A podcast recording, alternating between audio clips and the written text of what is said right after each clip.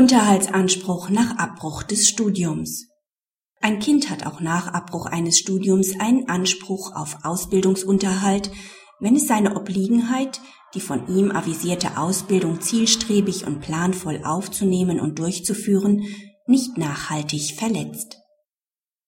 Die 1988 geborene Tochter begehrt vom Vater Kindesunterhalt für eine Zeit von zehn Monaten nach Abbruch ihres zweisemestrigen Studiums der Finanz- und Wirtschaftsmathematik, währenddessen sie sich erfolglos um einen Ausbildungsplatz bei einem Steuerberater sowie im Bank- und Finanzdienstleistungsbereich beworben hat.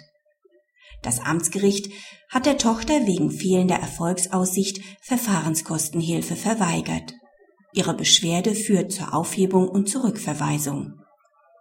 Das Amtsgericht hat der Tochter für die streitigen zehn Monate Unterhalt nach 1610 Absatz 2 BGB versagt, da Ausbildungsunterhalt nur während einer Ausbildung geschuldet wird, diese aber während dieser Zeit nicht in einem Ausbildungsverhältnis gestanden hat.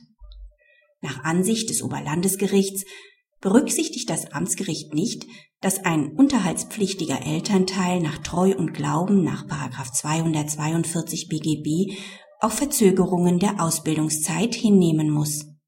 Dies gilt selbst dann, wenn diese auf ein vorübergehendes, leichteres Versagen des Kindes zurückzuführen sind. Erst dann, wenn das volljährige Kind seine Obliegenheit, die von ihm avisierte Ausbildung zielstrebig und planvoll aufzunehmen und durchzuführen, nachhaltig verletzt, muss es sich darauf verweisen lassen, dass es für seinen Lebensunterhalt selbst aufkommen muss. Erst unter dieser Voraussetzung entspricht das Verhalten des Kindes nicht mehr dem unterhaltsrechtlichen Gegenseitigkeitsprinzip, nachdem es auf die Belange des unterhaltspflichtigen Elternteils Rücksicht zu nehmen hat. Von einer nachhaltigen Verletzung der Ausbildungsobliegenheit kann im vorliegenden Fall nicht ausgegangen werden, da sich die Tochter während der streitigen Zeit immer wieder um Ausbildungsplätze in dem von ihr ins Auge gefassten Ausbildungsbereich bemüht hat und diese letztendlich auch erfolgreich war, da sie seit August 2004 in einem Ausbildungsverhältnis steht. Praxishinweis. Der vorliegende Fall unterscheidet sich von denjenigen Fällen, in denen ein volljähriges Kind, etwa bedingt durch einen Numerus Clausus, über längere Zeit auf einen Studienplatz warten muss und sich während der Wartezeit nicht um eine anderweitige Aneignung von berufswunschbezogenem Wissen bemüht.